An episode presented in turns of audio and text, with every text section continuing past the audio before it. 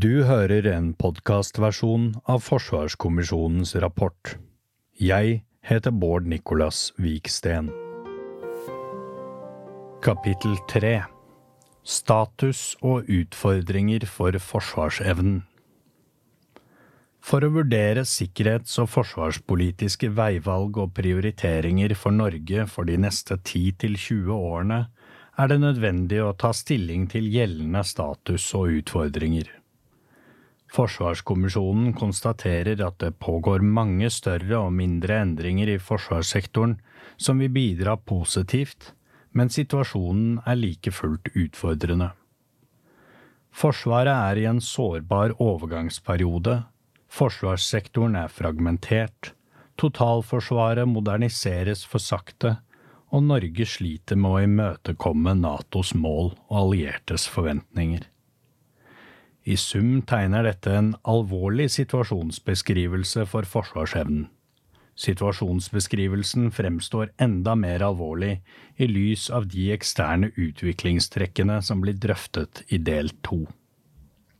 I dette kapitlet drøftes tilstanden til Norges forsvarsevne. Kommisjonen bruker regjeringens definisjon av forsvarsevne som beskrevet i kapittel to. Det omfatter en vurdering av Forsvarets egenevne, inkludert status og utfordringer for forsvarssektoren for øvrig, en vurdering av totalforsvaret i rammen av sivil-militært samarbeid og den internasjonale dimensjonen.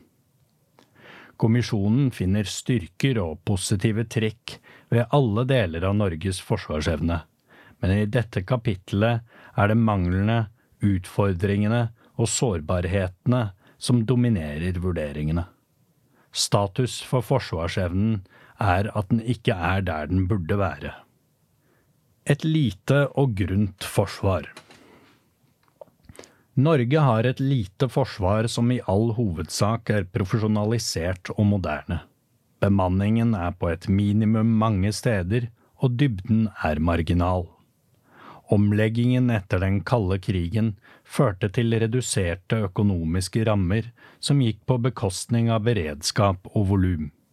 Snuoperasjonen for å styrke Forsvaret skjøt fart fra 2016. Forsvarets operative evne, Forsvarets egen evne, er styrket gjennom satsingen de siste årene. Det var helt nødvendig å igangsette en styrking av Forsvaret. Forsvarets evne til å operere sammen med sivile beredskapsaktører, særlig politiet, går i positiv retning. Dette skjer annet gjennom styrking og ytterligere profesjonalisering av Forsvarets operative hovedkvarter og heimevernsdistriktene. Forsvarets avdelinger og soldater høster anerkjennelse i nasjonale og allierte operasjoner. Forsvaret leverer god kvalitet, men utholdenheten er lav. Det som fungerer bra nå, vil ikke nødvendigvis gjøre det om noen år dersom identifiserte utfordringer ikke blir håndtert. Det er en lang vei å gå før Forsvarets egenevne er på det nivået den er vedtatt å være. Det tar tid å styrke et forsvar som er tynt oppsatt på flere områder. Manglende eller feil kompetanse har også blitt pekt på som en stor utfordring. Norge har beholdt en strukturbredde, men det er store utfordringer knyttet til volum, tilgjengelighet og utholdenhet. Langtidsplanen for perioden 2020 til 2024 bøter på noen av problemene, men tiltakene er for beskjedne, og implementering tar tid. Kostnadsberegninger og tidsestimater i langtidsplanene viser seg gang på gang å ikke overleve i møte med virkeligheten. Norge har i første halvdel av 2020-årene et forsvar med noe bedre reaksjonsevne, men lav utholdenhet ved økt aktivitet i forbindelse med episode- og hendelseshåndtering. Forsvarskommisjonen mener at det tar foruroligende lang tid før tiltakene får effekt. Styrkingen holder ikke tritt med utviklingen i ambisjonsnivå og operative krav som svar på forverringen av sikkerhetssituasjonen de siste årene. Satsingen på Forsvaret har hatt effekt, men det er fortsatt betydelige utfordringer og operative svakheter. Forsvarets egenevne står overfor to hovedutfordringer som hver for seg krever konkrete grep. Den første er risiko og usikkerhet knyttet til realisering og gjennomføring av vedtatte planer og politikk. Den andre er behovet for styrking og modernisering på bakgrunn av en forverret sikkerhetssituasjon. Gjennomføringen av tiltak fra tidligere planer er på etterskudd på flere områder. Dette gjelder usikkerhet i forbindelse med strukturutvikling, kostnadsøkninger, sektorens samlede gjennomføringsevne og leverandørforsinkelser i anskaffelser av materiell og eiendom, bygg og anlegg. I tillegg er det risiko knyttet til styrking og utvikling av IKT og manglende frigjøring av midler ved modernisering og effektivisering. Dette leder til økte driftsutgifter, forskyving i planer og kutt i tiltak og aktiviteter. For eksempel må materiell som skal fases ut, holdes lengre i strukturen enn opprinnelig planlagt. Samtidig blir aldrende materiell på flere områder mindre tilgjengelig enn det behovet tilsier, og det blir dyrere i drift. Denne situasjonen er ikke ny for forsvarssektoren, men en vedvarende utfordring. Reduksjon i operativ evne. Forsvarets operative evne er med gjeldende planer og finansiering inne i en nedgangsperiode frem mot 2028. Forsvaret har utfordringer med å øke aktiviteten i norske nærområder og understøtte norske sikkerhetsinteresser. En rekke eldre kamp- og støttesystemer på land, til sjøs, i lufta og i cyber skiftes ut samtidig. Dette har vært en villet utvikling. For å finne rom for anskaffelse av nye systemer og kapasiteter har Forsvaret, skiftende regjeringer og Stortinget valgt å ta risiko på operativ evne på kort sikt for å nå en økt evne på lengre sikt.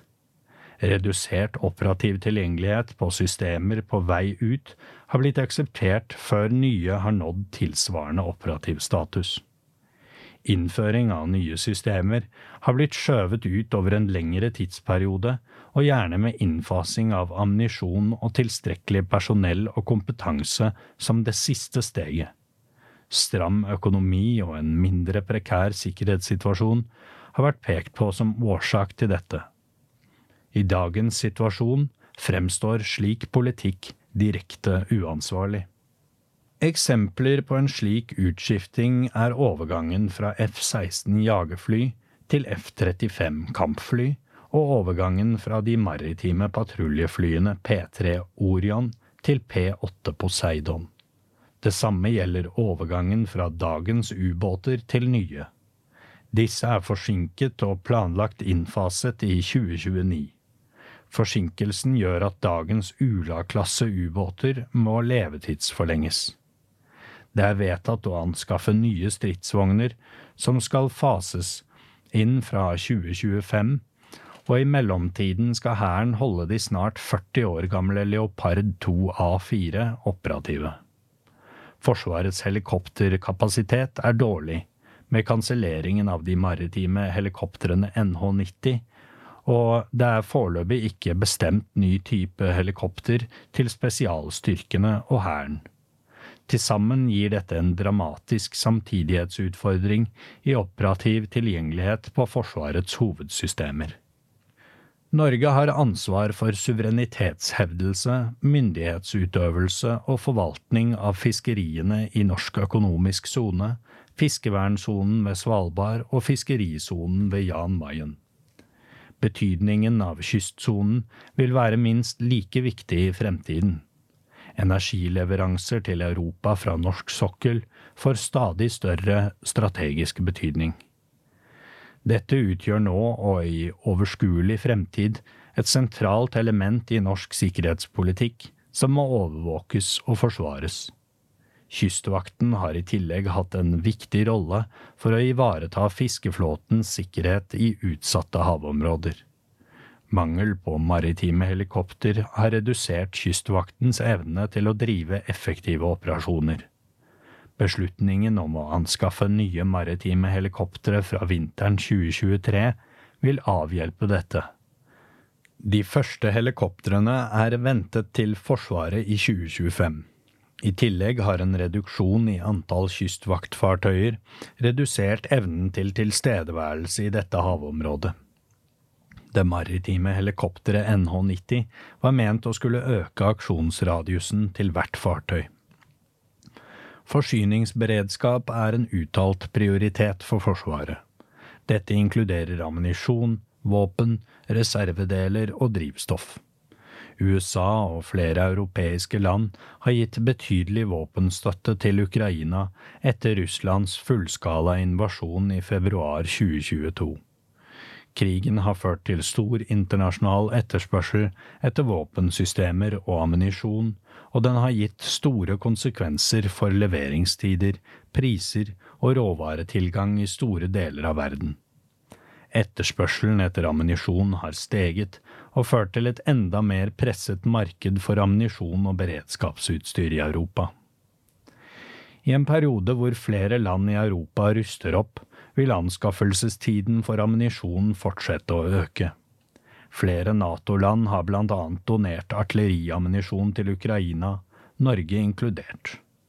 Regjeringen har på bakgrunn av situasjonen besluttet å bestille artilleriammunisjon fra Nammo for inntil 4,2 milliarder kroner. Det vil gi Nammo økt produksjonskapasitet og garantier for bestilling av råvarer til produksjonen. Slik bidrar Norge til nasjonal militær beredskap og til å opprettholde alliertes mulighet til å støtte Ukraina. Dette er imidlertid en marginal økning sammenlignet med de samlede behov på vestlig side. Forsvaret prøver ut nye former for partnerskap innen logistikk og støttevirksomhet knyttet til nasjonale operasjoner og mottak av allierte forsterkninger. Den tidligere avtalen med Vilnor Governmental Services innebar at selskapet hadde en koordinerende rolle mot øvrige leverandører i å levere helhetlige logistikktjenester til Forsvaret. Vilnor-avtalen demonstrerte verdien av en strategisk partner med lang erfaring i å støtte allierte operasjoner. Avtalen ble avsluttet i 2022. Større avtaler om direkte logistikktjenester bidrar til Forsvarets operative evne. Den praktiske konsekvensen av å ikke ha en slik avtale i dag, er at Forsvaret må forholde seg direkte til flere hoved- og underleverandører. Dette gjøres ofte fortløpende, uten en fastsatt rammeavtale. I dette perspektivet er det en utfordring at regimet for å vurdere Forsvarets operative evne, VOE, har betydelige svakheter. VOE er faste, årlige vurderinger av status for hvordan Forsvaret klarer å løse sine pålagte oppgaver, og om utviklingen i Forsvaret går som den skal. For eksempel mangler VOE i dag gode mål på hvor mye ammunisjon Forsvaret har tilgjengelig. Dermed kjenner ikke norske politiske myndigheter godt nok til hvilke mangler som kan finnes ved krise eller krig. Lavere gjennomføringsevne enn forutsatt, både i egen organisasjon og i leverandørledd, har også gitt forsinkelser. Dette går igjen utover Forsvarets evne til å innfase materiell som planlagt. Forsvarskommisjonen mener det er viktig å bøte på noen av utfordringene knyttet til VOE. Dette drøftes i kapittel 15. Personell og kompetanse At personellet er Forsvarets viktigste ressurs, er et slitt uttrykk, men det blir ikke mindre riktig av den grunn. Forsvaret står overfor betydelige utfordringer innen personell- og kompetanseområdet. Oppfatningen om at personellet er Forsvarets dyreste ressurs, har festet seg. Personell og kompetanse skaper operativ evne, men manglende personell og feil kompetanse reduserer operativ evne, øker kostnader over tid og gjør en allerede risikofylt arbeidsplass farligere. Forsvaret står potensielt overfor en kritisk personellmangel med for svak kompetanse på viktige områder, deriblant nødvendig teknologikompetanse. Dette vil gå utover forsvarsevnen. Forsvarssektoren, og spesielt Forsvaret, har en bemanning som er lav i fredstid, og som vil være utilstrekkelig i krise og krig. Dette gjør Forsvaret sårbart i den lavere enden av konfliktskalaen, og det gir lav utholdenhet i den øverste delen av skalaen. Ansatte i Forsvaret jobber mye. I 2021 utgjorde 17 185 ansatte 21 182 årsverk, hvorav 25% jobbet mer enn 1,38 utførte årsverk. Gjennomgående tung arbeidsbelastning og fravær fra hjemmet gjør at altfor mange slutter. Allerede knappe ressurser blir bundet til å lære opp nye ansatte. Dette forsterker de opprinnelige utfordringene med svak kompetanse, og det gir merarbeid i form av opplæring av nye og dyrere erstatninger. Det er for mange ansatte i Forsvaret som skifter stilling for ofte. Dette gir dynamikk i organisasjonen og bidrar til å utvikle kompetanse, men det skaper også utfordringer for kontinuitet og strategisk videreutvikling. For generalister er regelmessig rotasjon forventet og grunnleggende for å oppnå operativ kompetanse. Den nye ordningen for militært tilsatte med deling mellom offiserer og spesialister skulle bidra til at personellet sto lengre i stilling, men fortsatt bytter både spesialister og offiserer stilling hyppig. Spesialister bytter jobb hyppigst med en årlig rotasjonstakt på 35% Kombinert med en avgang på 11 vitner dette om at organisasjonen bruker mye tid på opplæring i ny stilling. Forsvaret og personellet har få anledninger til å bruke all den erfaringen de opparbeider seg fra stillingene de har vært innom. Utfordringene består selv etter ti år med omfattende reformer innen personell og kompetanse. Målene har vært gode, men effektene uteblir. Problemene med å beholde ansatte, få flere erfarne til å lære opp de unge og bedre kvaliteten på utdanningen er videreført og forsterket av utdanningsreformen fra 2018 og reformen for effektivisering og transformasjon av HR-området i Forsvaret fra 2016. Så langt i reformperioden tyder mye på at det er for få plasser til etter- og videreutdanning. Utdanningsperioder blir stadig kortere, det blir for lite utdanning på spesialistbefal, og kompetansemiljøene som skal støtte med utdanning, er små og sårbare. Mange reformer som berører personellet, har skapt endringstretthet i Forsvaret. Et behov for effektivisering fører blant annet til at oppgaver sentraliseres eller skyves nedover i organisasjonen. Kombinert med omveltning av utdanningsinstitusjonene har dette gitt økt usikkerhet i Forsvaret og større belastning på de lavere nivåene enn tidligere. Mengden samtidige reformer har vært krevende for Forsvaret å implementere. Effektiviseringsmålene til den enkelte reform blir dermed krevende å nå fordi evnen til å gjennomføre dem er redusert. Økt usikkerhet og belastning gjør arbeidsplassen mindre attraktiv og bidrar til at flere slutter. Tap av ansatte og opplæring av nye ansatte forsterker belastningen ytterligere og reduserer potensialet for effektivisering. Etter flere besøk, samtaler og formelle innspill er det kommisjonens klare inntrykk at det i 2022 var flere unge som leder unge aksept for lavere kompetanse enn tidligere øker risikoen for at det kan skje ulykker. Avdelingene rekrutterer mest internt. Utdanningene er for korte til å utvikle ledere, og mange ansatte under 50 år velger å slutte. Ansatte over 50 år har så kort tid igjen at de ser frem til oppnådd aldersgrense. Av de yngre som slutter, er det mange kvinner. De mange varslingssakene rundt mobbing og trakassering som har vært avdekket gjennom 2022, kan også bidra til ytterligere frafall og manglende søking. Stadig færre kalles inn til førstegangstjeneste. Av befolkningen som vokser opp i dag, er det i hvert årskull om lag 85% eller rundt 50 000 ungdommer, som aldri får noen tilknytning til Forsvaret. Med Forsvarets lave volum og høye kompetansekrav kan bare en mindre del av et årskull tas inn til førstegangstjeneste og gis meningsfull opplæring. Økonomisk ubalanse Forsvaret mangler balanse mellom oppgaver, struktur og økonomi, og er ikke i stand til å gjennomføre viktige deler av vedtatt politikk.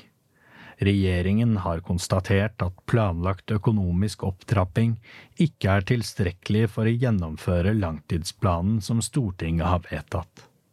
I gjeldende langtidsplan legges det opp til en gradvis og jevn økonomisk opptrapping av bevilgningene til forsvarsformål.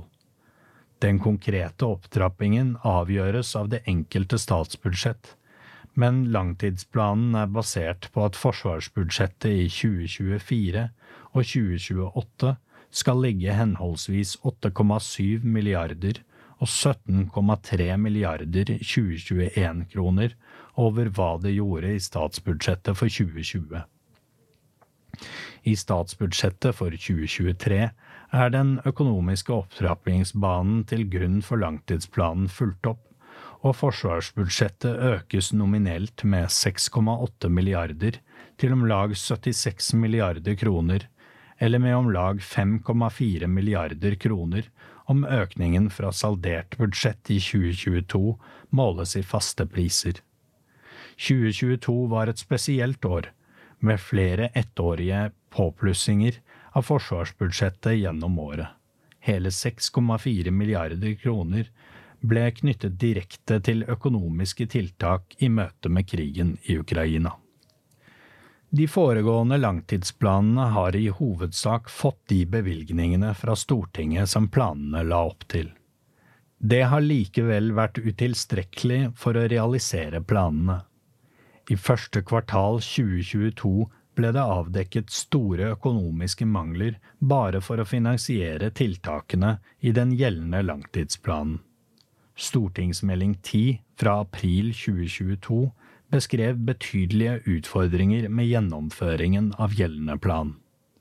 Forsvarskommisjonen anslår at det i dag er et gap på minst 24 milliarder kroner for å finansiere langtidsplanen for perioden 2022 til 2028 i henhold til planens ambisjon.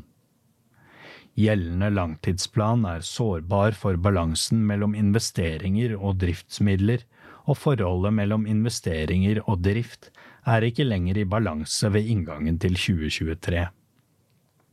Erfaringsmessig undervurderes også ofte driftsutgiftene til nye materiellprosjekter.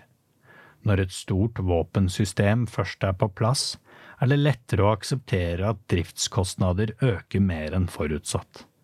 Et eksempel er erfaringen med anskaffelse av maritime helikopter og de mange utsettelsene før regjeringen omsider avsluttet kontrakten i 2022.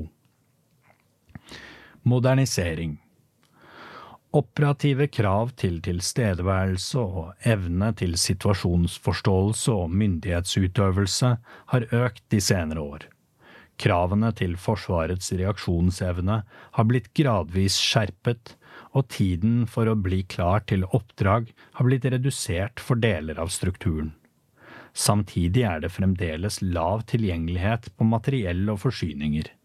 Dette gjør at deler av styrkestrukturen i Hæren, Luftforsvaret og Sjøforsvaret ikke møter fastsatte krav. Det er også identifisert behov for å styrke evnen til alliert mottak og nødvendig infrastruktur uten at finansiering er på plass. Flere av Sjøforsvarets systemer står foran utskifting eller oppgraderinger. Den operative kapasiteten til Kystvaktens og Marinens helikopterbærende fartøyer er betydelig redusert som følge av manglende tilgjengelighet på maritime helikoptre. Dette vil bedres noe når Kystvakten får tilført nye maritime helikoptre fra 2025. Det kommende tiåret vil etter gjeldende plan bli preget av vedlikehold og oppgraderinger av eldre kapasiteter. Det er krevende å opprettholde tilstrekkelig kompetanse til styrkeproduksjon og daglig drift i overgangen mellom gamle og nye systemer. Dette gjelder særlig ubåtkapasiteten, men også utskiftingen av den maritime overflatestrukturen. Nye ubåter, nye kystvaktfartøy tilpasset arktisk klima, kystjegerne som omstilles for å bidra med ny sensor- og boringskapasitet, og det kommende minemottiltakssystemet er skritt på veien mot neste generasjons sjøforsvar. Det gjenstår å ta stilling til nye overflatefartøyer og helheten i Norges fremtidige sjøbaserte kapasiteter. En erstatning av ikke-helikopterbærende fartøy i Kystvakten, marinens mindre logistikkfartøy og moderfartøy til fremtidig minemottiltakskapasitet skal vurderes. Klimaendringene har endret fiskeriene, og dermed Forsvarets operasjonsmønster for å drive fiskeriforvaltning. Tidligere var disse sesongbasert, slik at Kystvakten kunne konsentrere innsatsen i spesifikke områder ulike tider på året. Nå fiskes det mer eller mindre overalt hele tiden. I tillegg har området vokst i størrelse ettersom isen har trukket seg betydelig tilbake i våre områder. Ny teknologi har åpnet muligheter for en betydelig bedre oversikt over havområdene. Økt våpen- og sensorrekkevidde samt annen ny teknologi som autonome sensorer og våpensystemer bidrar til å øke rekkevidden både fra kystsonen inn i landet og ut på havet. Kontrollert innføring av slik teknologi tar tid. Sjøforsvarets hovedutfordring er imidlertid tilgjengelighet på overflatefartøy. Fartøyene blir eldre, og den tekniske statusen er ikke god nok. Oppdateringsprosjektene er nødvendige for å videreføre den vedtatte strukturen, men dagens investeringsrammer er ikke store nok til å oppgradere alle fartøyene. Oppgraderinger vil heller ikke gi den ytelsen fartøyene bør ha. En konsekvens er at mange fartøyer ligger mye til kai og ved verft. Beredskapen reduseres og gjør det krevende å løse oppdragene som forventes. Å drive levetidsforlengelse av eldre fartøyer lengre enn planlagt er lite kosteffektivt og reduserer den operative evnen over tid. I moderniseringen av Luftforsvaret er de fleste milepælene så langt nådd i tråd med politiske vedtak. Unntakene er luftradarkjeden, nedskalering og forsinkelser i ammunisjonsleveranser og Forsvarets helikoptermangel. Luftradarkjeden fornyes over hele Norge. Den er avgjørende for norsk og alliert evne til luftromsovervåkning i fred, krise og krig men det tar tid, og radardekningen er planlagt redusert i perioder. De maritime patruljeflyene P-8 Poseidon vil bli en vesentlig del av Forsvarets maritime evne, men innfasingen har tatt lengre tid enn planlagt. P-3C Orion fases ut i juni 2023. Norges nye kampfly F-35 har overtatt den kontinuerlige luftromspatruljeringen etter F-16 og opererer nå fra Evenes. Utfordringen er å få full operativ evne for F-35 og få dem mest mulig integrert med resten av Forsvaret og med sentrale allierte. Dette vil kreve økt tilgang på kompetanse, infrastruktur og tilstrekkelig beskyttelse av kampflyene. Det er blant annet kritisk mangel på teknikere. Norge har om lag tre teknikere per kampfly, mens andre land har ni til 13 teknikere. Det er funnet betydelige mangler innenfor Forsvarets beredskapslagre. Særlig bekymringsfullt er manglende våpen og ammunisjon, også til de nye kampflyene. Dette er eksempler på et urovekkende misforhold mellom investeringer og ressurser satt av til drift på kritiske militære systemer. Hærens etablering av nye kapasiteter i Finnmark, ved Brigade Nord og ved Hærens rekruttskole gir samtidighetsutfordringer. Personell, materiell, kompetanse og ressurser trekkes i flere retninger samtidig. De største strukturutviklingstiltakene i Hæren er mekanisering av andre bataljon og etablering av en fjerde mekanisert bataljon i Brigade Nord. I tillegg kommer fortsatt utbygging av Finnmark landforsvar, med oppbygging av Porsanger bataljon og videreutvikling av grensevakten. Bemanningsøkningen i Hæren har det siste året primært blitt fordelt til Finnmark landforsvar. Den planlagte utviklingen har i liten grad tatt høyde for økt aktivitetsnivå og behovet for en landmakt som er mest mulig tilgjengelig for nasjonale og internasjonale oppdrag. I Hæren pågår det innføring av kapasiteter som vil øke beskyttelse, rekkevidde og ildkraft. Manøverbataljonene i Brigade Nord skal få nye stridsvogner for å gi brigaden nødvendig slagkraft. Mekanisering av andre bataljon er fremskyndet ved hjelp av tilgjengelige stormpanservogner fra Brigade Nord og ble fullført i januar 2023, men uten stridsvognskapasitet. Nytt artilleriskyts er på plass, og kampluftvern er under etablering. Hæren mottar også en rekke pansrede kjøretøyer gjennom pågående materiellprosjekter. Fra 2025 vil innfasing av ny stridsvogn begynne. Dette vil bidra til å innfri et sentralt NATO-kapabilitetsmål for Norge. Slitt eller manglende eiendom, bygg og anlegg bidrar til lav trivsel og skaper forsinkelser som forplanter seg i oppbygningen av operativ evne. Det er avdekket et større etterslep på vedlikehold og fornyelse av eiendom, bygg og anlegg, som vil påvirke den videre utviklingen av Brigade Nord og Finnmark landforsvar. Dette gjelder blant annet tjenester som Skjold, Porsangmoen og Setermoen. Det er behov for ny bygningsmasse, samtidig som det er etterslep på vedlikehold og fornyelse av eksisterende eiendom.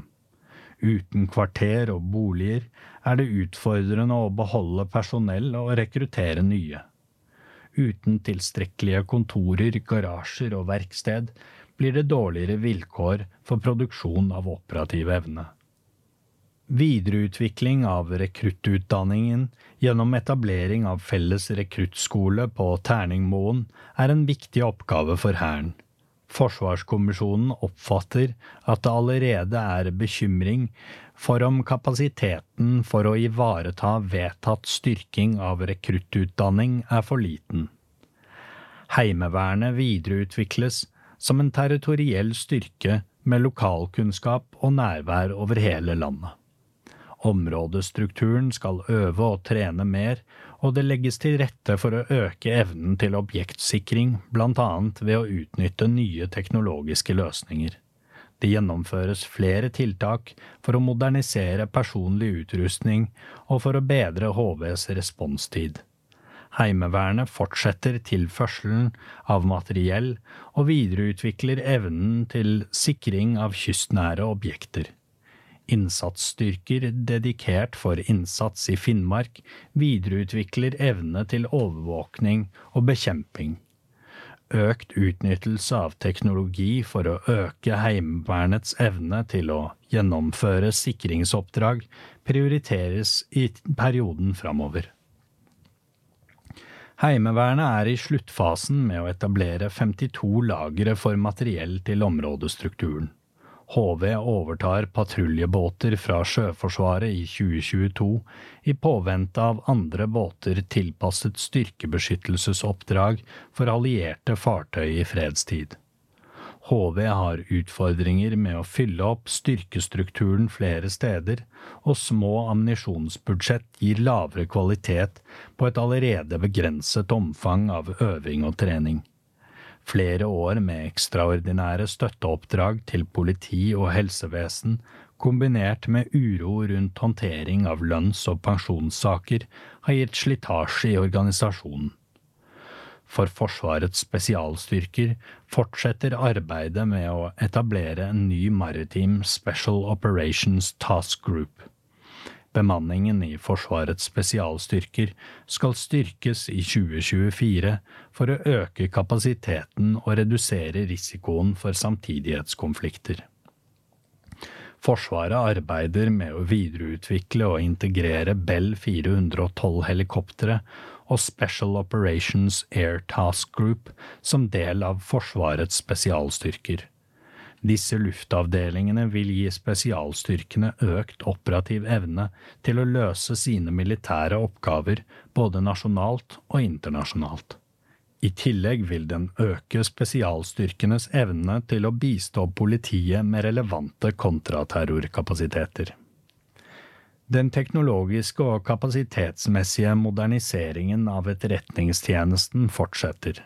Etterretningstjenesten har blitt styrket for å bedre evnen til situasjonsforståelse og nasjonal kontroll i nordområdene. Bevilgningen til Etterretningstjenesten økes også i 2023 for å styrke evne til nasjonal situasjonsforståelse i nord, regionalt og globalt. Styrkingen skal også bidra til økt kapasitet, kompetanse og relevans innenfor tjenestens ansvarsområde. Den nasjonale etterretningskapasiteten støtter operasjoner hjemme og ute på strategisk, operasjonelt og taktisk nivå. Innfasing av nye kapasiteter vil forbedre Forsvarets overvåknings- og etterretningsvirksomhet. En fragmentert forsvarssektor. Sektorens organisering. Stram styring og bedre organisering er nødvendig for å sikre at anskaffelser og drift skjer på en kostnadseffektiv måte. Det er ikke alltid tilfellet i dag. Organiseringen skaper i seg selv utfordringer. Forsvarssektoren er inndelt i fire etater. Forsvaret, Forsvarsmateriell, Forsvarsbygg og Forsvarets forskningsinstitutt. Disse er både administrativt og faglig underlagt Forsvarsdepartementet. Sammen med Utenriksdepartementet er Forsvarsdepartementet ansvarlig for utforming og iverksetting av norsk sikkerhetspolitikk.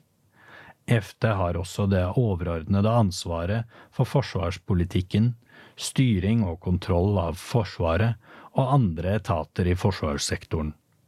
FD har ansvar for å legge frem politikk til Stortinget, utarbeide årlige budsjetter med konkrete forslag til drift og investeringer, samt følge opp Stortingets vedtak gjennom styring av underlagte etater. FD styrer Forsvaret primært gjennom tildelingsbrev. FD har også en operativ rolle i krisehåndtering og i å styre hvordan militærmakten som sikkerhetspolitisk instrument brukes i en nasjonal og alliert ramme. Fordeling av ansvar og oppgaver mellom departement og sektor har variert over tid. Forsvaret er statens fremste virkemiddel for å kunne ivareta Norges sikkerhet mot eksterne trusler, anslag og angrep. Øvrige etater i forsvarssektoren skal understøtte Forsvaret, slik at Forsvaret kan løse sine oppgaver mest mulig effektivt og rådgi Forsvarsdepartementet. Forsvarssjefen er både etatssjef og rådgiver for forsvarsministeren.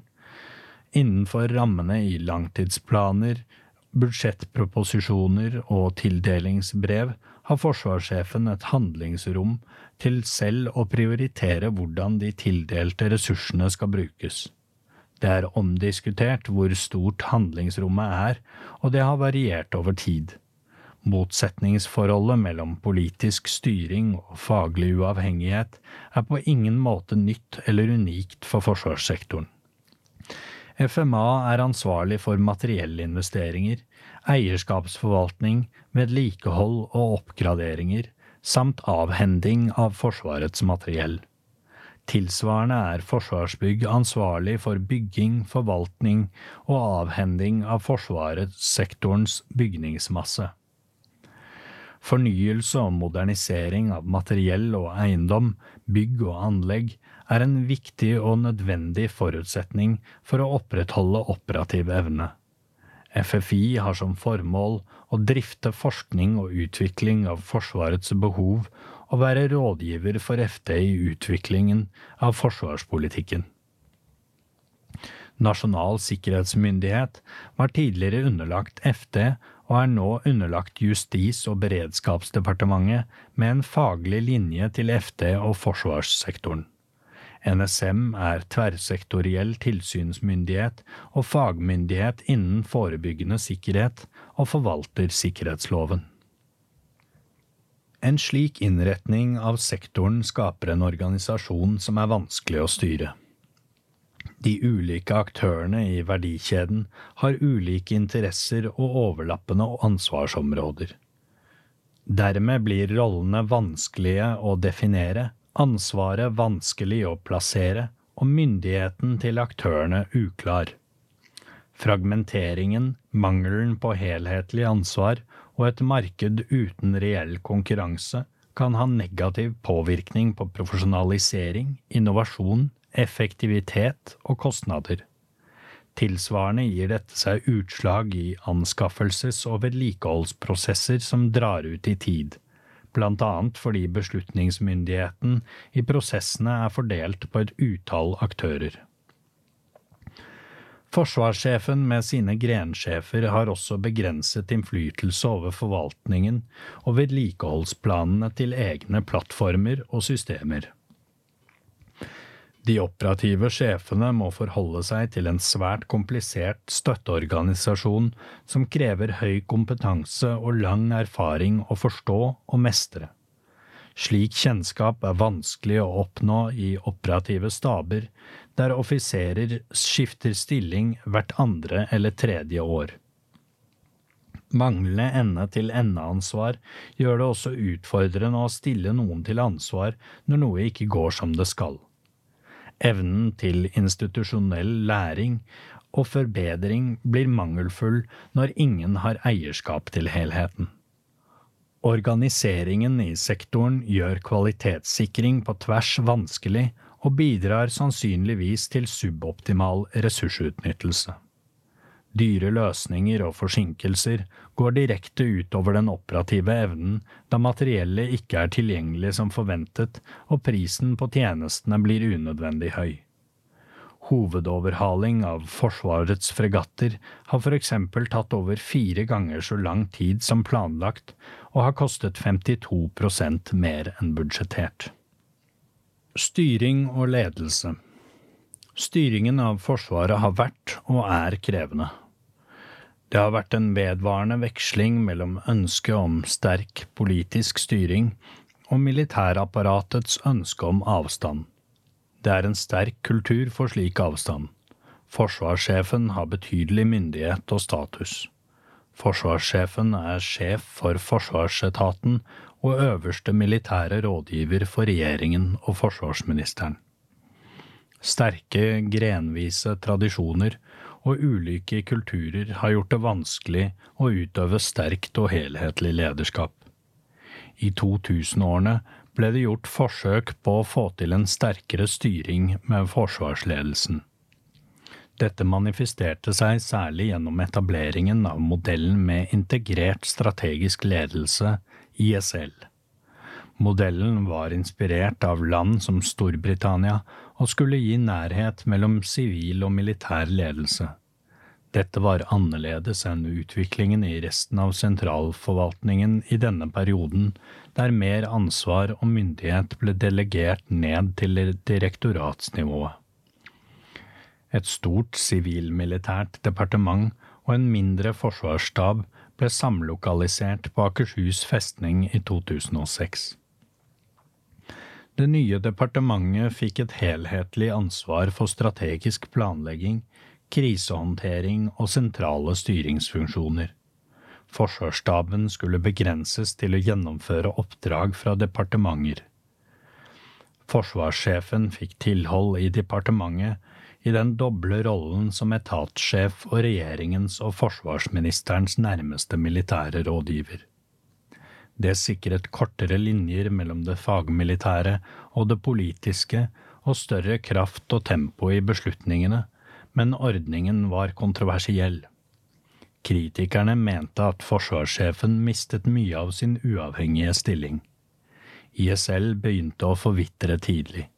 Sentrale oppgaver ble flyttet ut av departementet, herunder operasjons- og beredskapsplanlegging. Man gikk tilbake til en mer sekvensiell langtidsplanlegging, slik at militære og departementale planprosesser nå er mer adskilt. Forsvarssjefens samlede apparat er i dag omtrent like stort som før den store reformen. Ansvarsforholdene mellom departementet og Forsvarsstaben har med årene blitt stadig mer uklare. Forsvarsdepartementet satte i 2022 i gang en prosess for en tillitsreform i forsvarssektoren. Dette må ses på bakgrunn av den tillitsreformen som omfatter hele offentlig sektor, og som regjeringen Støre har som et av sine viktigste prosjekter. Målet er å gi mer rom og tid til dem som utgjør førstelinjen i statens tjenesteproduksjon. Hva dette vil føre til i forsvarssektoren, gjenstår å se. Implementeringen skal skje i 2024. Kommisjonen vurderer fremtidige muligheter og utfordringer for styring og ledelse i kapittel 15. Effektivisering og modernisering Effektivisering i forsvarssektoren er gjerne knyttet til ønsket om økonomiske besparelser eller effektforbedring. De mange bestrebelsene på å oppnå effektivisering og modernisering mangler imidlertid oppmerksomhet og gjennomføringsevne i forsvarssektoren. Det kan dels skyldes at man har vektlagt økonomiske besparelser fremfor effektforbedring gjennom reelle endringer av systemer og prosesser. Forsvarssektoren har ikke nådd de målene som er satt, noe som er alvorlig fordi man ikke får frigjort midler for å styrke Forsvaret. Svendsen-utvalget kom i 2020 med en rekke anbefalinger for utvikling og effektivisering av Forsvaret. Vurderingene av de personalpolitiske utfordringene og Forsvarets svake evne til å modernisere og tilpasse seg et moderne arbeidsliv har fortsatt relevans. Utvalget mente at hovedutfordringen er at Forsvaret innenfor personell og kompetanse ikke har hengt med i utviklingen eller evnet å omstille seg raskt nok i takt med nye behov. Det poengteres at sivil kompetanse må brukes der militær ikke er svaret, og det må bli lettere å kunne bevege seg mellom Forsvaret og det sivile arbeidslivet. Lederkraften vil økes ved å rekruttere inn personell med erfaring fra teknologiomstilling i næringslivet og andre offentlige virksomheter. Forsvarskommisjonen konstaterer at Svendsen-utvalgets anbefalinger ikke er fulgt opp i særlig grad. Anskaffelser Materiellanskaffelser til forsvarssektoren gjøres gjennom Forsvarsmateriell, FMA. Anskaffelser til Forsvaret er omstendelige prosesser. Regelverket gir rom for å korte ned prosessene, men disse mulighetene blir sjelden eller aldri utnyttet. Et annet kjennetegn er forsinkede leveranser, gjerne som en konsekvens av høy teknologisk risiko i prosjektene. Ofte blir norske særløsninger valgt, noe som øker kompleksiteten og dermed sannsynligheten for forsinkelser små brukermiljøer øker også materiellets levetidskostnader. Hovedmateriell til Forsvaret har vært kjøpt inn med mål om svært lang levetid. Feil som blir gjort i prosjekteringsfasen, f.eks. mangler på reservedeler, fører til redusert operativ evne når materiellet tas i bruk. Det skyldes både lavere tilgjengelighet på selve materiellet og at kostnadene til vedlikehold og reparasjoner blir så høye at de går utover andre deler av Forsvarets kjernevirksomhet. Det er risiko for interessekonflikt mellom Forsvaret som bruker og FMA som leverandør. Forsvaret vil ønske å ta i bruk nytt materiell så raskt som mulig for å løse et akutt problem, mens FMA vil utvikle materiell som fungerer i en helhet og over tid, men med større risiko for forsinkelser og budsjettoverskridelser. Siden roller, ansvar og myndighet i sektoren ikke nødvendigvis henger sammen med organiseringen, kan slike interessekonflikter forsterkes. Sikkerhetssituasjonen og den teknologiske utviklingen stiller nye krav til materiellanskaffelser. Det hersker bred enighet både nasjonalt og internasjonalt om at man må korte ned tiden fra et operativt behov oppstår til nytt materiell er ferdig implementert. I tillegg må det i større grad tas høyde for at teknologi krever kontinuerlige oppdateringer gjennom levetiden. I de senere årene har det vært gjennomført noen vellykkede hurtiganskaffelser av nytt materiell i milliardklassen. Både P-8 Poseidon maritime patruljefly og C-130J Hercules transportfly er eksempler på det, selv om heller ikke disse anskaffelsene har vært uten utfordringer. Begge disse flytypene var ferdig utviklede og i full operativ drift hos flere av våre allierte da de ble anskaffet. Dermed sikret man full interoperabilitet med Norges viktigste allierte og god tilgjengelighet på reservedeler og oppdateringer. I tillegg ivaretas oppgraderinger langt bedre ved anskaffelse av systemer som kjøpes inn i store kvanta enn ved innkjøp av fra mindre produsenter. Det er også gjennomført hurtiganskaffelse av lette pansrede patruljekjøretøy til Hæren fra Tyskland. Fysisk infrastruktur Forsvarssektoren har en betydelig og variert eiendomsportefølje, fra operative krigsanlegg og rullebaner til mer ordinære boliger og kontorbygg. Utgifter til investeringer og drift av sektorens eiendomsmasse utgjør rundt 15% av forsvarsbudsjettet. Tiltak for å forbedre ressursbruken innenfor sektorens eiendom, bygg og anlegg vil være viktig fremover. Forsvaret og sektoren har de senere år igjen begynt å behandle EBA som en vesentlig del av forsvarsevnen, både for Forsvaret, sivilsamfunnet og alliert aktivitet. Etter behandlingen av gjeldende langtidsplan har det kommet frem et betydelig vedlikeholdsetterslep og underdekning av EBA i hele sektoren. Dette er en utfordring for videreutviklingen av Forsvaret. Det er blitt betydelig dyrere å gjøre nødvendige EBA-tiltak i forbindelse med økningen av personell og innfasing av materiell. Etter koronapandemien har prisveksten innenfor EBA vært ekstraordinær og betydelig høyere enn forutsatt i langtidsplanen og det som blir kompensert for i de årlige budsjettene. Om prisnivået holder seg og eventuelt fortsetter å øke, må man omprioritere innenfor investeringsområdet. Forsvarsbygg er ansvarlig for sektorens bygningsmasse og har et kunde-leverandørforhold til Forsvaret og de øvrige etatene. Ettersom dette markedet ligner et monopol, er Forsvarets handlingsrom og innflytelse begrenset. Forsvaret opplever mange ganger prisene som høye, og en vesentlig andel av avdelingenes budsjett går med til å betale for eiendom, bygg og anlegg. På samme tid er det flere eksempler på at avdelinger i Forsvaret opererer som en lite profesjonell leietaker av fysisk infrastruktur. Betaling av nødvendig vedlikehold og oppgraderinger for å sikre lang levetid på infrastrukturen prioriteres gjerne ned da kostnadene fremstår som disproporsjonale for avdelingens operative behov på kort sikt. Stadig strengere krav til bygningsmassen og et betydelig vedlikeholdsetterslep tilsier at kostnadene til den fysiske infrastrukturen vil øke i årene som kommer. Her ligger flere misforhold som representerer alvorlige strukturelle utfordringer for forsvarsevnen. Forsvarsbygg er en landsdekkende, profesjonell eiendomsaktør med en stor portefølje. De enkelte driftsenhetene i Forsvaret er ikke uten videre satt opp med nødvendig kompetanse og ressurser til å forvalte bygningsmassen de leier over tid.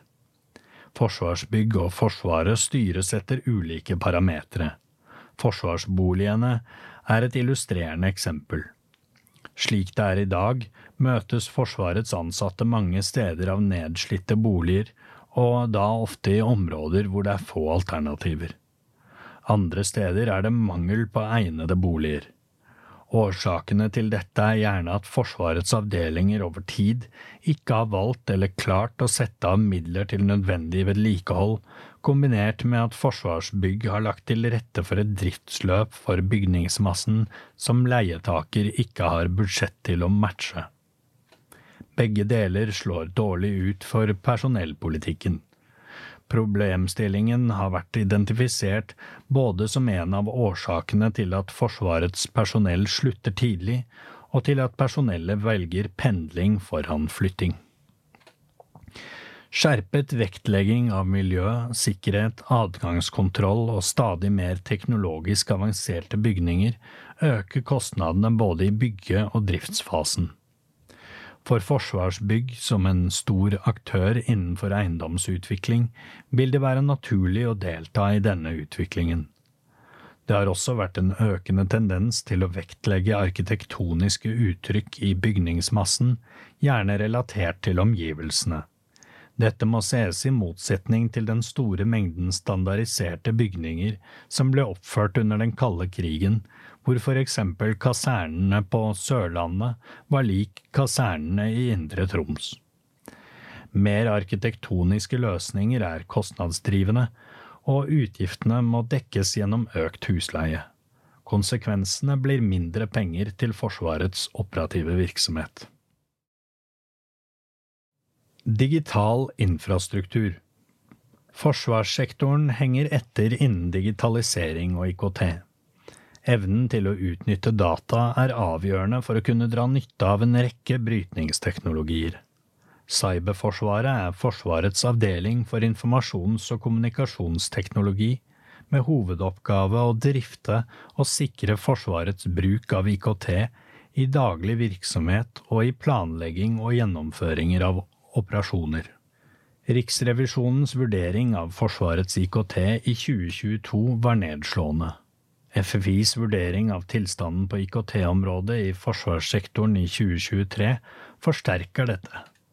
Forsinkelser, mangler, sårbarheter, juridiske begrensninger, kompetansegap og kapasitet til å gjennomføre tunge, samtidige IKT-prosjekter er med på å forme utfordringsbildet innen digital infrastruktur. Den digitale kompetansen og kapasiteten i og rundt forsvarssektoren er fragmentert. Det er fare for unødig høy ressursbruk og uakseptabel risiko knyttet til manglende kompetanse og kontroll. Forsvaret er helt avhengig av sivil programvare og private partnere. Teknologi, forskning og utvikling. Dagens innretning for forskning og utvikling i sektoren har gitt en rekke gode resultater. En viktig suksessfaktor har vært det tette samspillet mellom Forsvaret, Forsvarets forskningsinstitutt og forsvarsindustrien, det såkalte trekantsamarbeidet.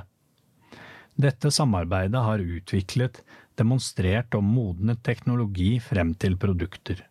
Forsvarsindustrien har de siste årene blitt en aktør på det globale markedet. Selskaper som Nammo og Kongsberg har over tid utviklet samarbeid i USA som har gitt internasjonal anerkjennelse og tilgang til flere markeder. Forsvarsindustrien tiltrekker seg årlig mange ansatte for Forsvaret. Som våpeneksporterende land har Norge oppnådd gode teknologiske resultater innen flere områder og norsk forsvarsindustri leverer produkter og kompetanse i verdenstoppen. Produkter som sjømålsmissiler, ammunisjon, luftvern, satellitter og undervannsteknologi møter norske behov og bidrar til Forsvarets egenevne.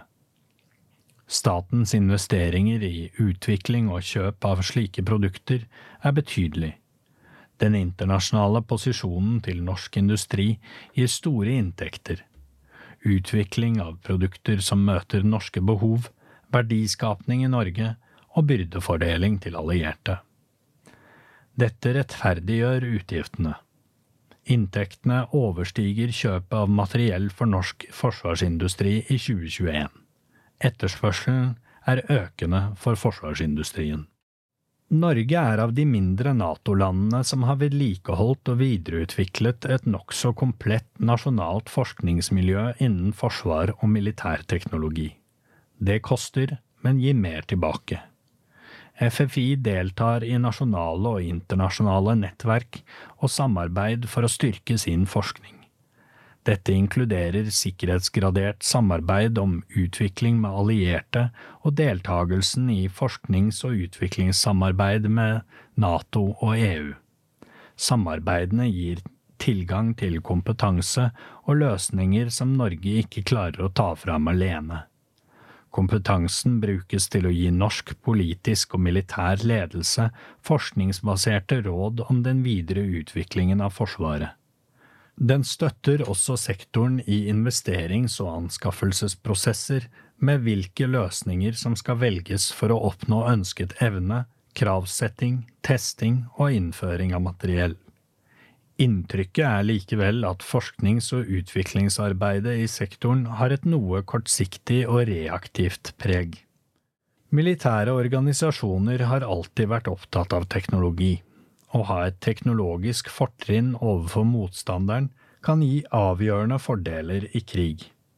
Det er bred enighet om at teknologi og realfag er viktigere enn noen gang for å møte fremtidens samfunnsutfordringer. Mindre vekt på realfag i norsk skole og nedprioritering av naturvitenskap i de militære utdanningene har over tid gitt dårligere vilkår for å tenke nytt og utnytte ny teknologi i forsvarssektoren, og spesielt i Forsvaret. Forsvarets personell, organisasjon og kultur har utfordringer med å henge med i utviklingen. Selv med gode internasjonale samarbeidsordninger har forsvarssektoren over tid mistet kompetanse og evne til å kombinere teknologisk forståelse med og i militære operasjoner. Norske soldater har begrenset stridserfaring og mangler erfaring med høyintensiv krigføring. Erfaringene fra Afghanistan kan ikke sammenlignes med krigshandlingene man har sett i Ukraina. Det kan svekke vurderingen av eksisterende og alternative operasjonskonsepter. Arbeidet med erfaringslæring i sektoren er lite systematisk. Det er tilfeller hvor nyanskaffelser ikke har gitt økt kampkraft fordi de blir brukt på tilnærmet samme måte som materiellet de erstattet. Tidsbruken til trening og øving har også ligget fast gjennom flere år, samtidig som mengden teknologisk komplekst utstyr har økt. Det er en høy andel av tidligere forsvarsansatte i norsk forsvarsindustri. Det gjør at kompetansen innen kombinasjonen av teknologi og militære operasjoner i økende grad befinner seg utenfor forsvarssektoren. Svak kobling mellom teori og praksis kan lede til at personellet ikke ser teknologi som et hjelpemiddel.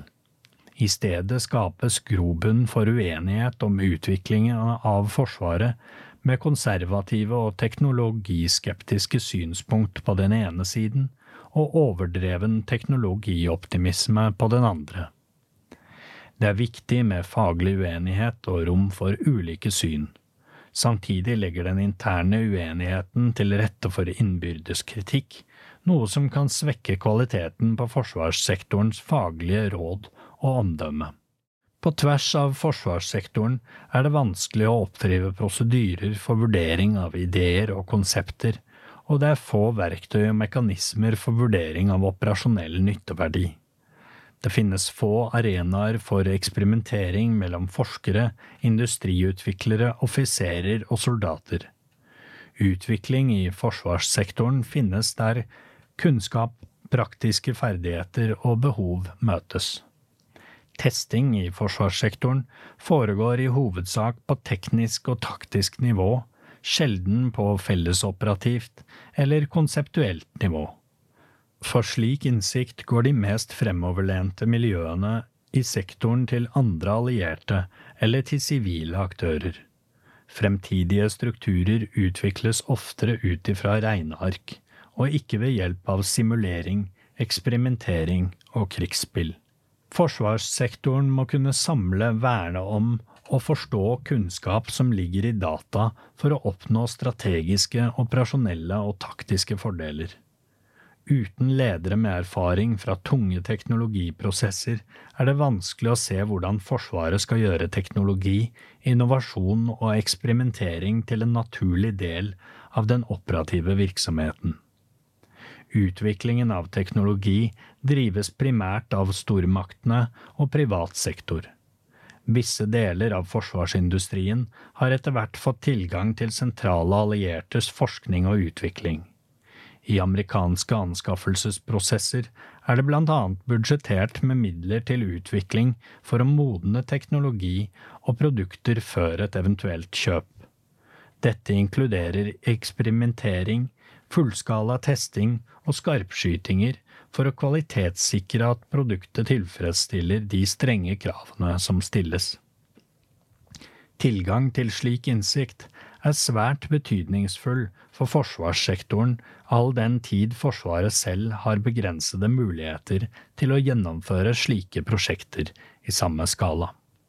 Forsiktig utvikling av totalforsvaret Sivilmilitært samarbeid og totalforsvaret Forsvaret løser flere sivilmilitære oppdrag som en vesentlig del av sin portefølje. Det inkluderer avdelinger som Kystvakten, Grensevakten, Hans Majestet Kongens Garde og Etterretningstjenestens sivilt rettede oppgaver. Sivilmilitært samarbeid omfatter i prinsippet alt sivilmilitært samarbeid på alle nivåer og fagfelt og med alle typer aktører. Begrepets innhold er i stor grad situasjonsbetinget. Sivilmilitært samarbeid omfatter også øvrig samarbeid mellom sivile og militære myndigheter som ikke er direkte knyttet til kriser og væpnet konflikt. Totalforsvarskonseptet er en del av det sivilmilitære samarbeidet men konseptet er avgrenset til å omfatte gjensidig støtte og samarbeid mellom Forsvaret og det sivile samfunn i spennet fra kriser i hele krisespennet, fra kriser i fred, via sikkerhetspolitiske kriser og til krig. Forsvaret er den militære delen, mens aktørbildet på sivil side er svært sammensatt og består annet av offentlige myndigheter på nasjonalt, regionalt og lokalt nivå. Totalforsvaret består av en rekke ordninger som samlet regulerer den gjensidige støtten og samarbeidet som er nødvendig for at Forsvaret og det sivile samfunn skal kunne håndtere hendelser.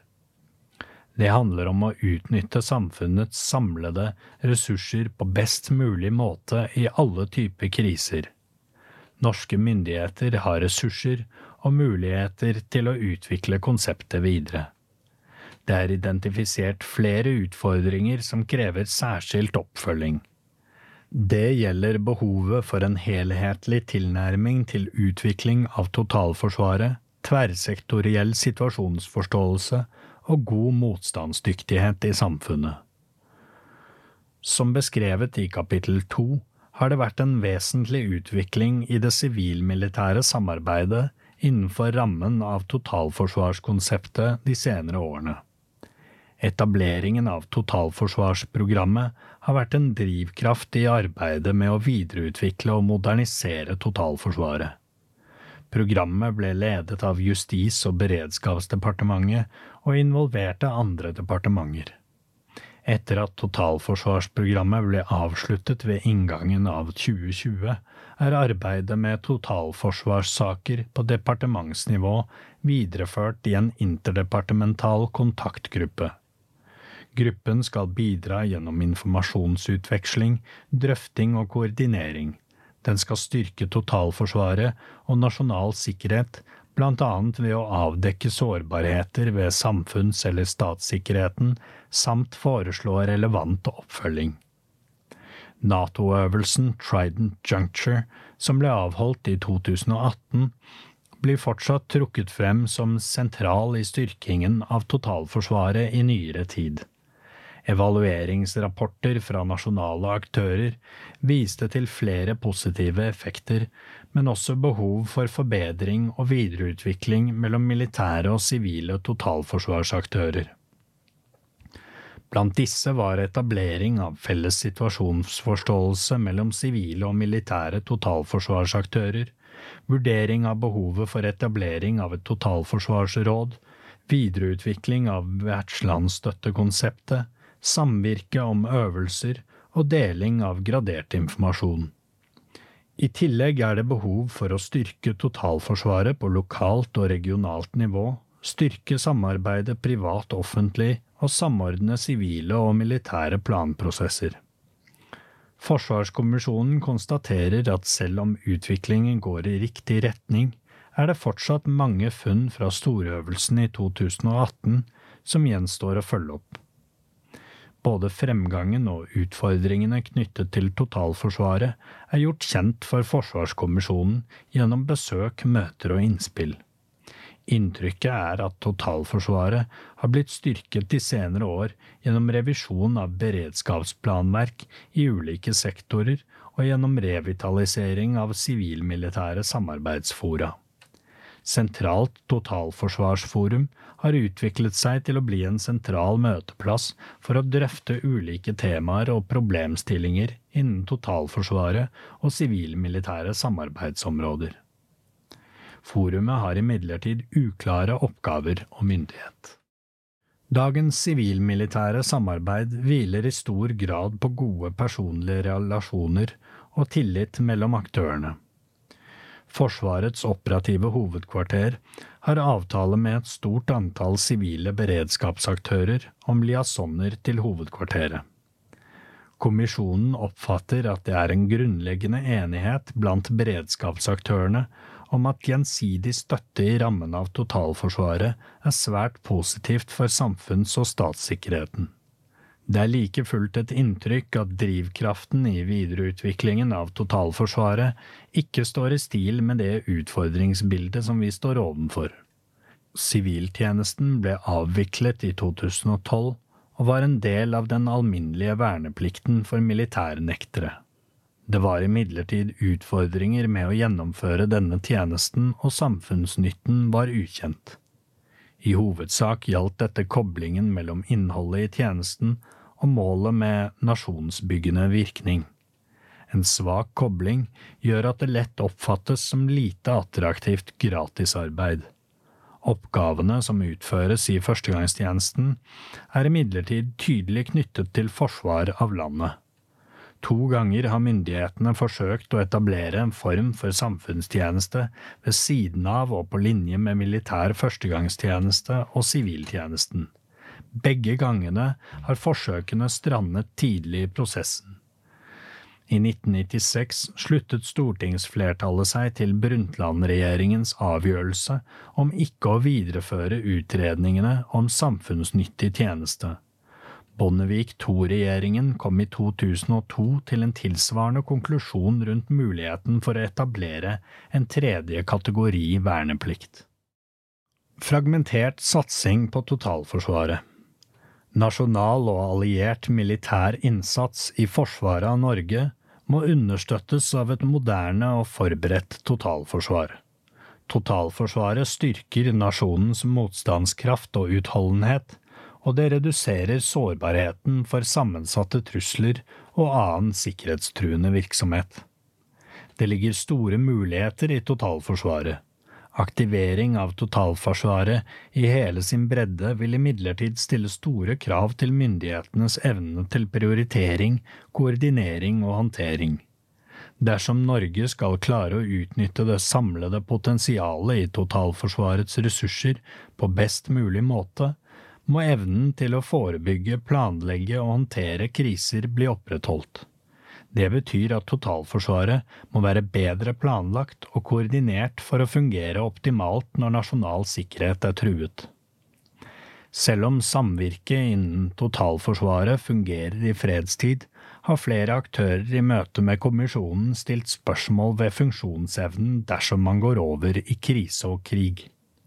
Både de grunnleggende nasjonale funksjonene, GNF, som er definert i sikkerhetsloven, og de kritiske samfunnsfunksjonene som er utledet av Direktoratet for samfunnssikkerhet og beredskap, må opprettholdes. Dette er tverrsektorielle funksjoner hvor ansvaret er fordelt på mange aktører. Forsvarskommisjonen konstaterer at det ikke synes å være et nødvendig samsvar mellom sivile og militære planverk. Disse må i større grad sees i sammenheng. Det er heller ikke tilstrekkelige planer for samarbeid øverst i krisespekteret og i krig. Videre kan ikke totalforsvaret basere seg på planlegging av enkelthendelser i spesifikke scenarioer. Det må tilrettelegges for å fungere i en rekke ulike hendelser. Videreutviklingen av totalforsvaret er nødvendig for å sikre at samfunnets samlede ressurser utnyttes effektivt for å håndtere utfordringer mot stats- og samfunnssikkerheten. Utfordringen i dag er imidlertid at satsingen på totalforsvaret fremstår som fragmentert og uten klar strategisk retning. Det får igjen konsekvenser for systematisk og kontinuerlig utvikling av totalforsvaret. Ansvaret for beredskapsarbeid er delt mellom flere aktører, og det er vanskelig å få en samlet oversikt over ressursbruken. Ikke minst er aktørbildet på sivil side svært sammensatt og krevende å koordinere. Et totalforsvar som skal håndtere alle typer kriser med økt utholdenhet, vil kreve en mer helhetlig satsing, herunder større grad av langsiktighet og økonomisk forutsigbarhet. Samtidige kriser og et trusselbilde preget av gråsoner vil få betydning for hvordan vi evner å utnytte landets samlede ressurser best mulig for å ivareta stats- og samfunnssikkerheten. Alvorlige kriser av ulik art vil kunne utfordre Norges ressurstilgang. Forutsetningene for å opprettholde store ressursbaser er begrenset. Forebygging, beredskap og krisehåndtering kan ikke løses av én organisasjon alene. Det sektoriserte ansvarsprinsippet og det gjensidige samvirkeprinsippet kommer i enda større grad i spenn.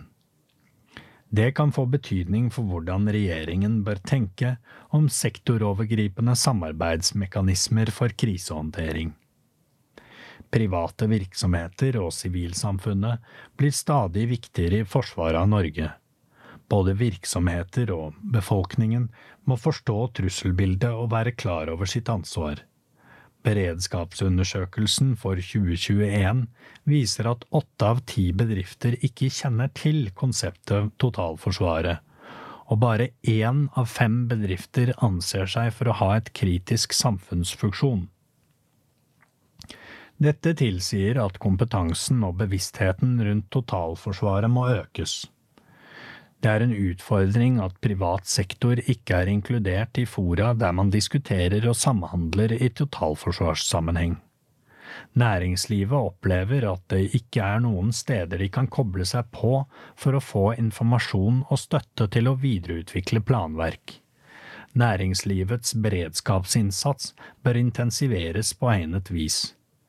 Det er også behov for å øke bevisstheten om betydningen den enkelte borger har for nasjonens beredskapsevne.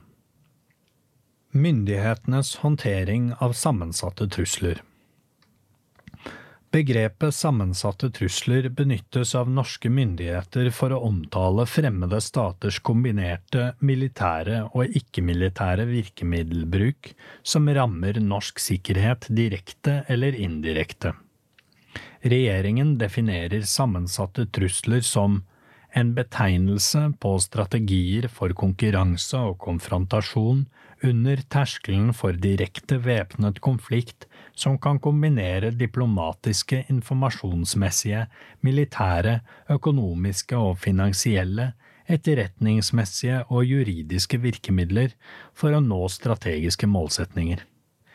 Eksempler på sammensatte trusler er påvirkning, for eksempel gjennom falske nyheter og desinformasjon på sosiale medier, digitale angrep, strategiske oppkjøp, migrasjon som virkemiddel, spionasje og sabotasje.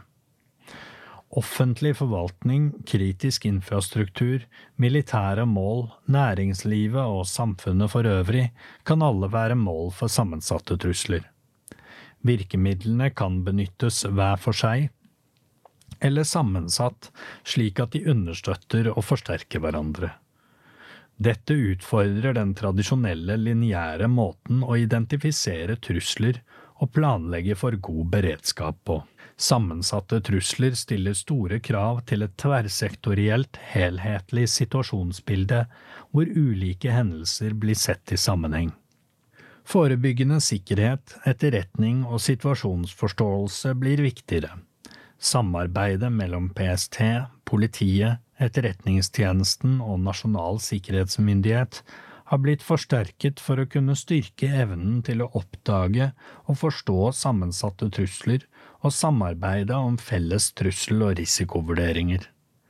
Det er vedtatt endringer i politiloven og politiregisterloven som vil gi PST hjemmel til å lagre data fra åpne kilder som grunnlag for analyser og etterretningsvurderinger, herunder påvirkningsoperasjoner. Forsvaret skal både evne å håndtere sammensatte trusler mot egen sektor og bidra til håndteringen på tvers av sektorer. Forsvarets viktigste oppgaver under terskelen for væpnet konflikt er avskrekking, håndtering av kriser, overvåkning, suverenitetshevdelse og myndighetsutøvelse.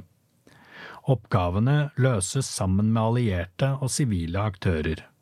Oppgavene inkluderer kritiske støtteoppdrag til politiet utover mer generell støtte til samfunnet.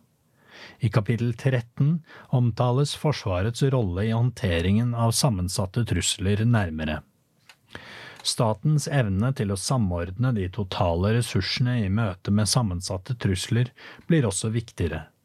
Utfordringene knytter seg til fordeling av ansvar, roller og myndighet mellom sektorer. Truslene er sektorovergripende, men av ulik karakter. Mange av truslene krever internasjonal informasjonsdeling og respons. Det er mange aktører, og det er ikke tydelig avklart hvem som har helhetlig ansvar og myndighet, slik at det styres i en felles retning. Flere land kraftsamler nasjonal satsing og styrker evnen til ledelse og samordning på strategisk nivå. Sårbarheter i totalforsvaret Privatisering og rask teknologiutvikling leder til at skillelinjene mellom Forsvaret og det sivile samfunn blir stadig mindre. Det gjør at den gjensidige avhengigheten øker. Private aktører tar seg av funksjoner som tidligere lå under det offentlige. Beredskapslagre for mat, drivstoff og utstyr er mangelvare. Forsyningskjeder og logistikk er i stor grad drevet av kommersielle aktører, også for Forsvaret. Globale konkurranseforhold gjør Norge mer sårbart. Ressursene for å håndtere kriser og opprettholde viktige funksjoner og tjenester i samfunnet finnes i økende grad hos private selskaper, til dels med flernasjonal eierskapsstruktur komplekse systemer og eierskapsforhold gir sårbarheter og aktualiserer ytterligere behovet for økt samarbeid i og om totalforsvaret. I et 10–20-årsperspektiv er ikke lenger ordrebasert produksjon just in time en bærekraftig løsning. Forsvaret har derfor blant annet revitalisert rekvisisjonsinstituttet, og beredskapslagre for drivstoff, mat og utstyr blir diskutert. Disse erkjennelsene er et viktig utgangspunkt for kommisjonens drøfting av den bredere beredskapen. Samfunnets evne til å understøtte Forsvaret og sivilmilitært samvirke har fått fornyet oppmerksomhet. Forsvarets avhengighet av sivil støtte har økt i takt med nedbyggingen av støttestruktur og støttefunksjoner. Avhengigheten vises også ved større grad av strategisk samarbeid samt privatisering og effektivisering i samfunnet generelt. Avhengigheten av private aktører, logistikk, forsyningskjeder og sivil kompetanse har økt over tid. Forsvarets behov for en rekke støttefunksjoner fra sivil sektor er avgjørende for logistikk, mottak av allierte forsterkningsstyrker, såkalt vertslandsstøtte og produksjon av varer og tjenester. Det er viktig med høy bevissthet knyttet til at Forsvaret har en rekke kapasiteter og ressurser som også kan benyttes til å løse sivile oppgaver. I Nasjonalt beredskapssystem beskrives tiltak for forsvarssektoren og tiltak for sivil sektor som kan besluttes iverksatt i en krise- eller krigssituasjon. Systemet er bygget opp etter samme struktur som Natos krisehåndteringssystem Nato Crisis Response System, NCRS, men er tilpasset nasjonale forhold og behov. Beredskapstiltakene for sivil sektor er beskrevet i Sivilt beredskapssystem.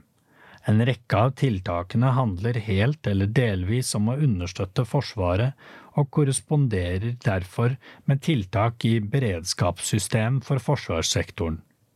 Dersom det ved svært alvorlige kriser eller krigssituasjoner besluttes iverksatt tiltak fra beredskapssystemet, vil dette kunne utløse sivil støtte til Forsvaret.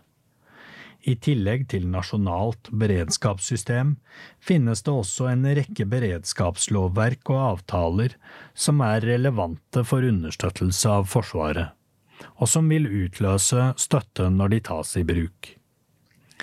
Forsvaret har dessuten en rekke kommersielle avtaler av ulikt omfang med private aktører og næringsliv om støtte og samarbeid. Den sivile understøttelsen av forsvarsevnen må være robust og effektiv gjennom hele krise- og konfliktspekteret. Det vil si at kritiske samfunnsfunksjoner som for eksempel helsetjenester, elektronisk kommunikasjon, kraftforsyning, drivstoff, mat- og vannforsyning og transportinfrastruktur må fortsette i krise og krig. Forsvarets behov for sivil støtte er i dag ikke godt nok definert, og det mangler felles planforutsetninger. Når truslene i større grad berører flere sektorer, kan alle deler av samfunnet utsettes for maktbruk eller press. Totalforsvaret må derfor moderniseres for å øke motstandsdyktigheten til kritiske samfunnsfunksjoner. Et område som særlig vil kreve oppmerksomhet, er helseberedskapen og konsekvensene av økt fare for krise og krig. Forsvaret har svært begrensede sanitetsressurser, og disse er innrettet mot akutte militære behov. FFI har vurdert den sivilmilitære helseberedskapen til å være betydelig underdimensjonert for å håndtere pasientvolumet som kan oppstå ved en sikkerhetspolitisk krise eller væpnet konflikt. Planverk og konsepter er dårlig koordinert og har ikke tatt utgangspunkt i adekvate tapsestimater. Ny teknologi vil være et av de viktigste grepene for å samordne sivile og militære helseressurser bedre. Det vil være avgjørende for totalforsvarets evne til hurtig, samordnet og fleksibel sivilmilitær innsats. Mer avhengig av alliert samarbeid. Samarbeidet i NATO og samholdet mellom medlemslandene er sterkere enn på lenge. Norges posisjon i Nato er i utgangspunktet god. Gjennom operasjoner utenlands, tett integrasjon med allierte land og bidrag til avansert overvåkning i nordområdene oppfattes Norge som en troverdig alliert. Profesjonaliteten til våre avdelinger og soldater i øvelser og utenlandsoperasjoner har høstet bred internasjonal anerkjennelse og har demonstrert norsk solidaritet. Norske spesialsoldater og personell ved Feltussykehuset var, sammen med amerikanerne, de siste som trakk seg ut under evakueringen av Kabul i 2021. Norsk internasjonal innsats har dreid fra store bidrag i fredsbevarende og stabiliseringsoperasjoner i 1990- til 2000-årene til prioritering av støtte for kollektiv sikkerhet og kapasitetsbyggingsoppdrag. Norske styrker er teknologisk godt integrert med allierte systemer. Eksempelvis bidro den norske fregatten KNM Fridtjof Nansen mer eller mindre sømløst i en av USAs stående hangarskipgrupper i 2021. Fartøyet var eneste ikke-amerikanske fartøy, og Norge er et av få land som har kompetanse og kapasitet til denne type integrerte operasjoner. Norske kampfly er først i alliansen til å ta over Natos stående hurtige reaksjonsoppdrag, og er tettere integrert med amerikanske fly og systemer enn de fleste andre allierte. Spesialstyrkene og Etterretningstjenesten samarbeider tett med våre viktigste allierte. Samarbeidet er av strategiske betydning for partene. Siden 2017 har Norge bidratt med styrker til Natos forsterkede militære nærvær i Litauen gjennom alliansens kollektive forsvar og avskrekking i regionen. Disse styrkene er fullt interoperable og er i ferd med å utbedre sambandsløsninger for sikker kommunikasjon og deling av måldata. Norge bidrar også regelmessig på beredskap for Natos hurtige reaksjonsstyrke, Nato Response Force, til Natos stående flåtestyrker og til Natos luftovervåkningsoperasjon rundt Island.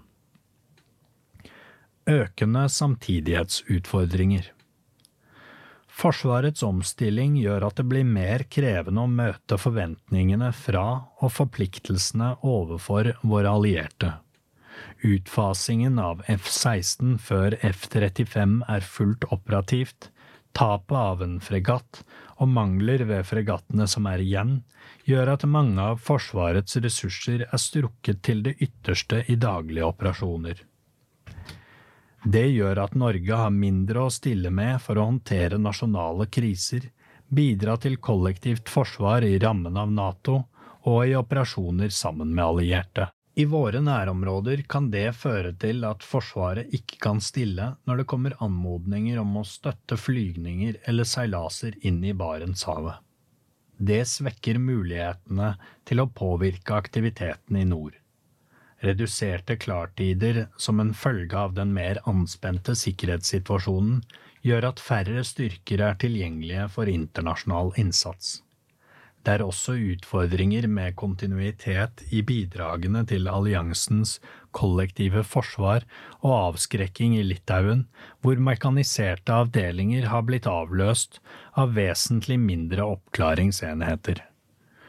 Utfordringene treffer et forsvar som allerede er strukket for å håndtere et høyt tempo i daglige operasjoner i Norge og våre nærområder. Det oppstår samtidighetsproblemer når store deler av strukturen er i bruk i daglige operasjoner eller er til vedlikehold. Dersom det ikke gjøres omfattende grep, kan Norges evne til å bidra til allierte operasjoner fortsette å svekkes i årene som kommer. Dette vil ikke bare ramme evnen til å bidra utenfor Forsvarets tradisjonelle operasjonsområder, men også ramme evnen til tilstedeværelse i egne nærområder. I en tid der oppmerksomheten knyttet til nordområdene øker, og landene i Norden får en større rolle i å ivareta sikkerhet i egen region, er dette alvorlig. Norges rolle i alliert mottak og forsterkning vil øke. Et lite forsvar med begrenset dybde betyr at Norges evne til å ivareta nasjonal handlefrihet i egne nærområder er begrenset, og vår avhengighet av andre øker. For et lite land som Norge er det også en utfordring at man søker å bidra til mange internasjonale sammenhenger samtidig uten at ressursene strekker godt nok til. Ved å skulle bidra i ulike allierte, europeiske og internasjonale oppdrag må det gjøres økonomiske og personellmessige disponeringer som sprer Forsvarets ressurser. Ressursene står ikke alltid i stil med de politiske målsetningene. Noen av disse samtidighetsutfordringene vil kunne løses gjennom tydeligere politiske prioriteringer mens mange av behovene er så viktige at en nedprioritering kan få negative konsekvenser for norsk omdømme, troverdighet og sikkerhet. Manglende tilpasning til et nytt alliert utgangspunkt. Samtidighetsutfordringene forsterkes av at Norge, som et av Natos europeiske medlemsland, må ta større ansvar for egen sikkerhet. Under Natos toppmøte i Madrid i 2022 ble alliansen enige om å øke Natos hurtige reaksjonsstyrke fra 40 000 til 300 000 soldater. Det ble også enighet om et nytt strategisk konsept med vekt på kollektivt forsvar, og som understreket utfordringen fra Kina og sammensatte trusler. Dette representerer et taktskifte.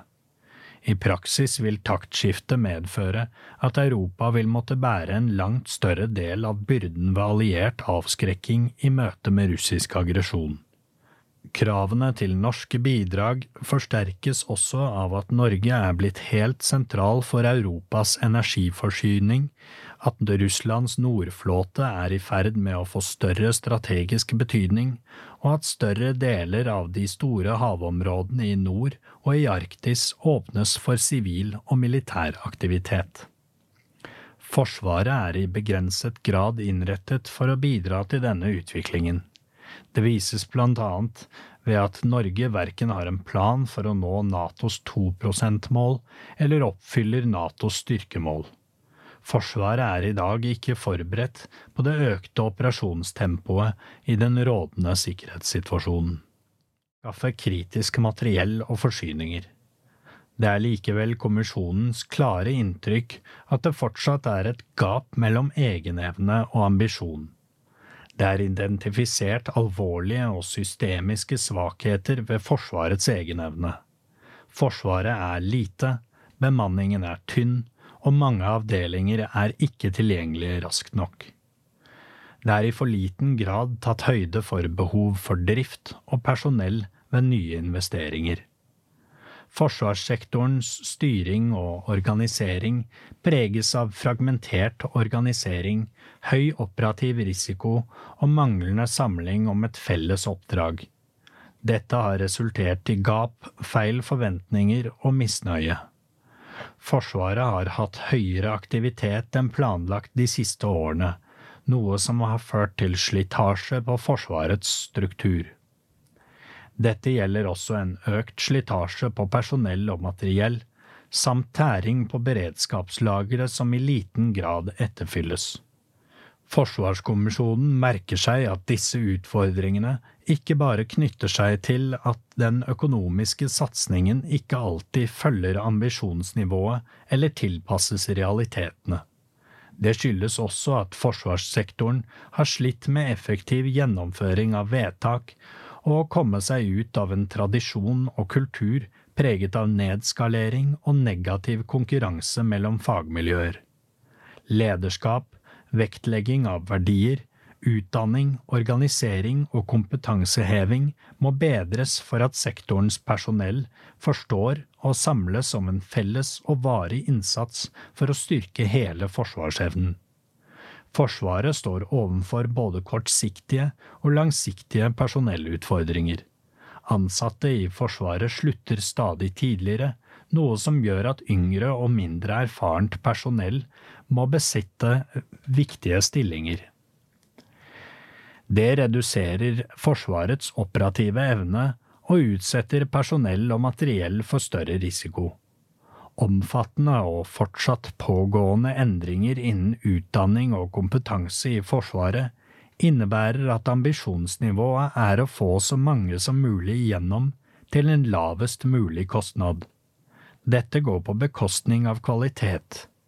Kommisjonen konstaterer at forsvarssektoren strever med å finne riktig forhold mellom sivil profesjonalisering av rekruttering, utdanning og kompetanse på den ene siden, og militær profesjonsdannelse og kultur på den andre.